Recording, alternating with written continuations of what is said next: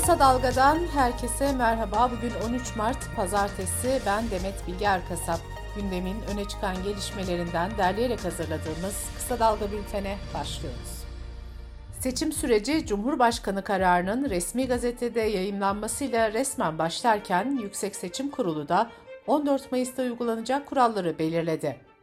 Resmi gazetede yayımlanan karara göre yurttaşlar 14 Mayıs'ta saat 8 ila akşam 5 arasında oy kullanacak.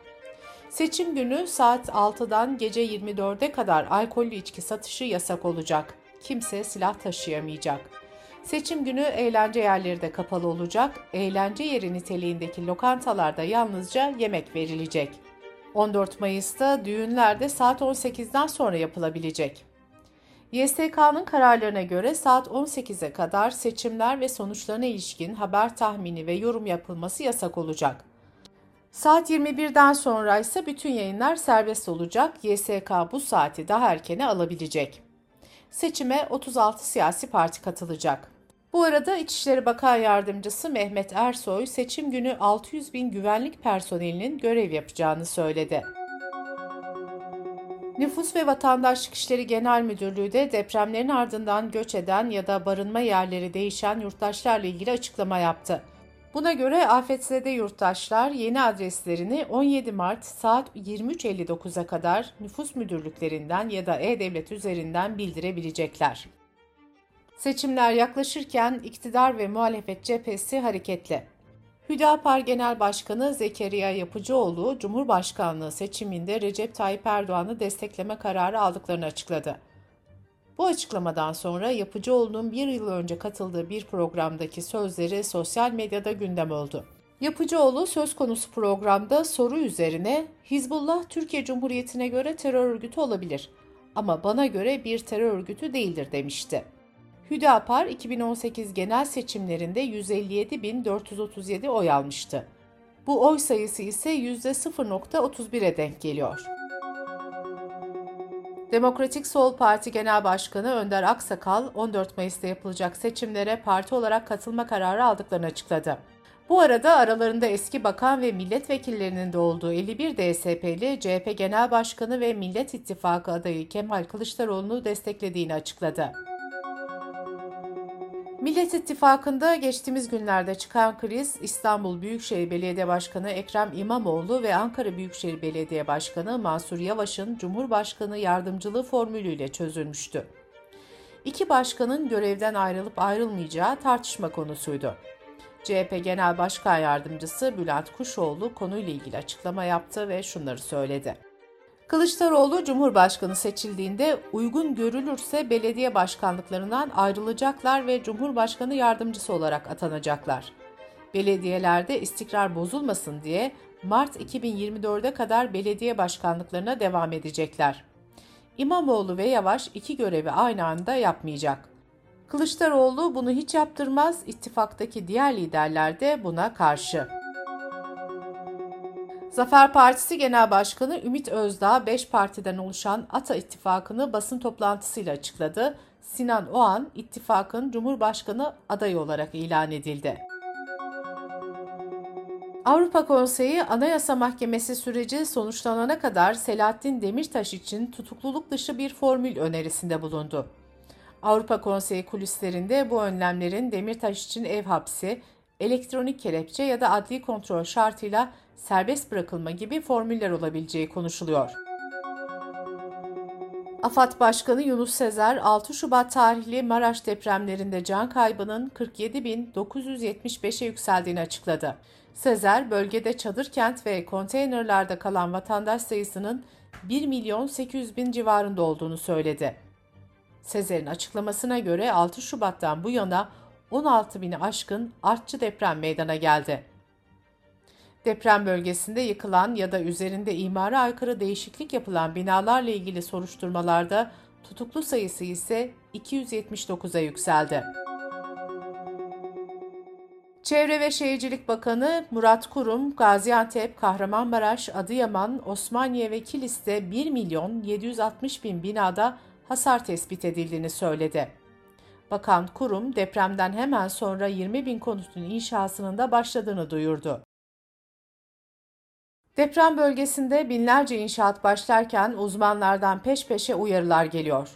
Profesör Doktor Naci Görür bölgenin aktif fay sistemi içinde olduğunu hatırlattı. Görür şunları söyledi. Bu bölgede alışılagelmiş ihale, müteahhit ve klasik inşaat yapımıyla sorunlarla baş edemeyiz. İnşaat Mühendisleri Odası Başkanı Taner Yüzgeç ise yöneticiler kentin yakınlarında rant üretecek arsalardan vazgeçmek zorunda. Acele kararlar alınmamalı. Mesele sadece konut meselesi değildir diye konuştu. Şehir Plancılar Odası İstanbul Şube Başkanı Doçent Doktor Pelin Pınar Giritlioğlu da artçı depremler devam ederken inşaata başlanmasının başlı başına bir hata olduğunu söyledi. Giritlioğlu şu açıklamayı yaptı. Toplu konutlar için doğru ve güvenli noktaların tercih edilmesi gerekiyor. Bunun için analizler yapılmalı ve kentle ilişkisi doğru belirlenmeli. Milli Eğitim Bakanı Mahmut Özer, liselere geçiş sistemi kapsamındaki merkezi sınavın 4 Haziran'da düzenleneceğini duyurdu. Meteoroloji Genel Müdürlüğü Tahminler Daire Başkanı Yüksel Yağan, Türkiye'nin Balkanlardan gelen yağışlı havanın etkisine girdiğini söyledi. Hürriyete konuşan Yağan, 3 aylık süreçte mevsim normallerinde ve yer yer üzerinde yağışlar bekliyoruz dedi. Kış mevsiminin yağsız geçtiğini de hatırlatan Yağan şu uyarıyı yaptı. Ülkemizin bölgelerine göre değişen şiddetlerde olmak üzere meteoroloji kuraklığının etkisinde olacağını değerlendiriyoruz. Kısa Dalga Bülten'de sırada ekonomi haberleri var. Borç yapılandırma paketi resmi gazetede yayınlanarak yürürlüğe girdi. Paket kapsamında vergiler, trafik cezaları, askerlik ve otoyol cezalarıyla belediyelere olan 31 Aralık 2022 öncesine ait tüm borçlar 48 taksitle ödenecek. Yapılandırma için başvurular 31 Mayıs'ta başlayacak, ilk taksit ödemesi ise 30 Haziran'da yapılacak. Yapılandırılan borçlar peşin ödenirse yurt içi üretici fiyat endeksi tutarının %90'ından vazgeçilecek. Türk İş ve Hak İş, kamu toplu iş sözleşmeleri çerçeve protokolü için ön görüşmeler yaptı. İki konfederasyonunun görüşmelerde ortak hareket etmesi bekleniyor. Türk İş ile Çalışma Bakanlığı arasındaki görüşme trafiği artarken Cumhurbaşkanı Erdoğan'ın sözleşmenin seçim öncesinde imzalanmasına sıcak baktığı belirtiliyor. Cumhuriyet'in haberine göre işçi tarafı asgari ücretin net 8507 liraya çıkarılmasının ardından önce taban ücretlerin iyileştirilmesini istiyor. 10-15 yıllık işçilerin ücretlerinin asgari ücret seviyesine geldiğine dikkat çekiliyor. Ardından da yüzdelik zam yapılması talep ediliyor. Merkez Bankası bankalara gönderdiği yazıyla ticari kredilerin ardından ihtiyaç kredilerine de örtülü faiz üst sınırı getirdi. Merkez Bankası'nın referans faizinin üzerinde oluşacak ihtiyaç kredisi faizi uygulayan bankalar menkul kıymet tutma yükümlülüğüne tabi tutulacak. Uluslararası Kredi Derecelendirme Kuruluşu Fitch, Mart ayı küresel ekonomik görünüm raporunu açıkladı. Raporda küresel ekonomideki büyümenin bu yıl için %1.4'ten %2'ye çıkarıldığı, gelecek yıl içinde %2.7'den %2.4'e düşürüldüğü ifade edildi. Raporda Türkiye'nin büyüme beklentisinin de gerilediği kaydedildi. Daha önce %2.9 büyüme öngören Fitch tahminini %2.5'a indirdi. Dış politika ve dünyadan gelişmelerle bültenimize devam ediyoruz. Ukrayna İçişleri Bakanı Ihor Klimenko savaşa ilişkin yeni bilgiler paylaştı. Rusya'nın 40.500 bombardıman, roket ve füze saldırısı düzenlediğini, 152 bin yerleşim yerinin saldırılar sonucu yok olduğunu söyledi.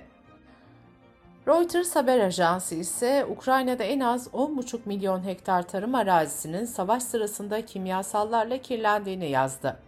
Bu kimyasallar suya ya da toprağa karıştıktan sonra bitkiler, hayvanlar ya da içme suyu yoluyla insanlara da ulaşacak. İngiltere Savunma Bakanlığı ise savaşa dair ilginç bir istihbarat raporu paylaştı. Raporda Rusya tarafından savaş alanına gönderilen personelle ilgili bilgiler yer aldı. Raporda kayıpların %75'inin azınlık halklar olan Kazak ve Tatar nüfustan olduğu ifade edildi. Hollanda'da Yok Oluş İsyanı adlı grubun organizasyonuyla toplanan 3000 kişi şehrin girişi olan ana yolun son kısmını kapattı. polis iklim eylemcilerine tazikli suyla müdahale etti. En az 683 kişi gözaltına alındı. Hollanda polisi kendilerini ağaca bağlayan bazı eylemcileri de demir kesme makineleriyle ağaçtan ayırdı. İran'da çoğunlukla kız okullarında yaşanan ve ülkede protestolara yol açan toplu zehirlenme vakaları ile ilgili yüzden fazla kişinin tespit edilerek gözaltına alındığı açıklandı. Kasım ayından bu yana ülkede 238 okulda 5000'den fazla öğrenci zehirlenmişti. Birleşmiş Milletler kolera salgının Afrika'nın 11 ülkesinde endişe verici boyuta ulaştığını duyurdu. Gıda ve su yoluyla bulaşan kolera şiddetli ishale ve vücutta su kaybına yol açıyor. Hastalık tedavi edilmediği takdirde ölümcül olabiliyor. Temiz su ihtiyacının karşılanamaması ve tıbbi müdahalenin anında ve etkili yapılamaması hastalık ve ölüm riskini arttırıyor. Çin'de yapılan bir araştırmada ozon kirliliğiyle kalp hastalıklarındaki artış arasında bağlantı olduğu sonucuna varıldı.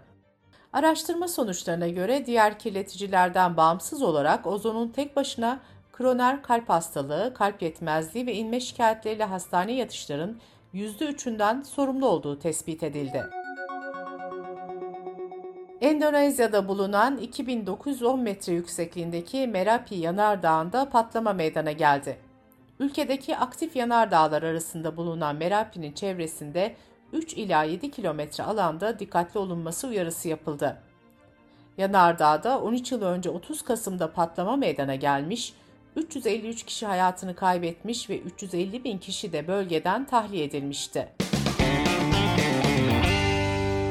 Bültenimizi kısa dalgadan bir öneriyle bitiriyoruz. Gazeteciler Ayşe Yıldırım ve Sedat Bozkurt seçime doğru siyasetin can alıcı konularını ele alıyor. Adil bir seçim kampanyası olacak mı? Erdoğan seçim kampanyasında hangi argümanları kullanacak? Anayasa Mahkemesi'nin HDP kararı bize neler söylüyor? Politikesti kısa dalga.net adresimizden ve podcast platformlarından dinleyebilirsiniz. Gözünüz kulağınız bizde olsun. Kısa Dalga Medya.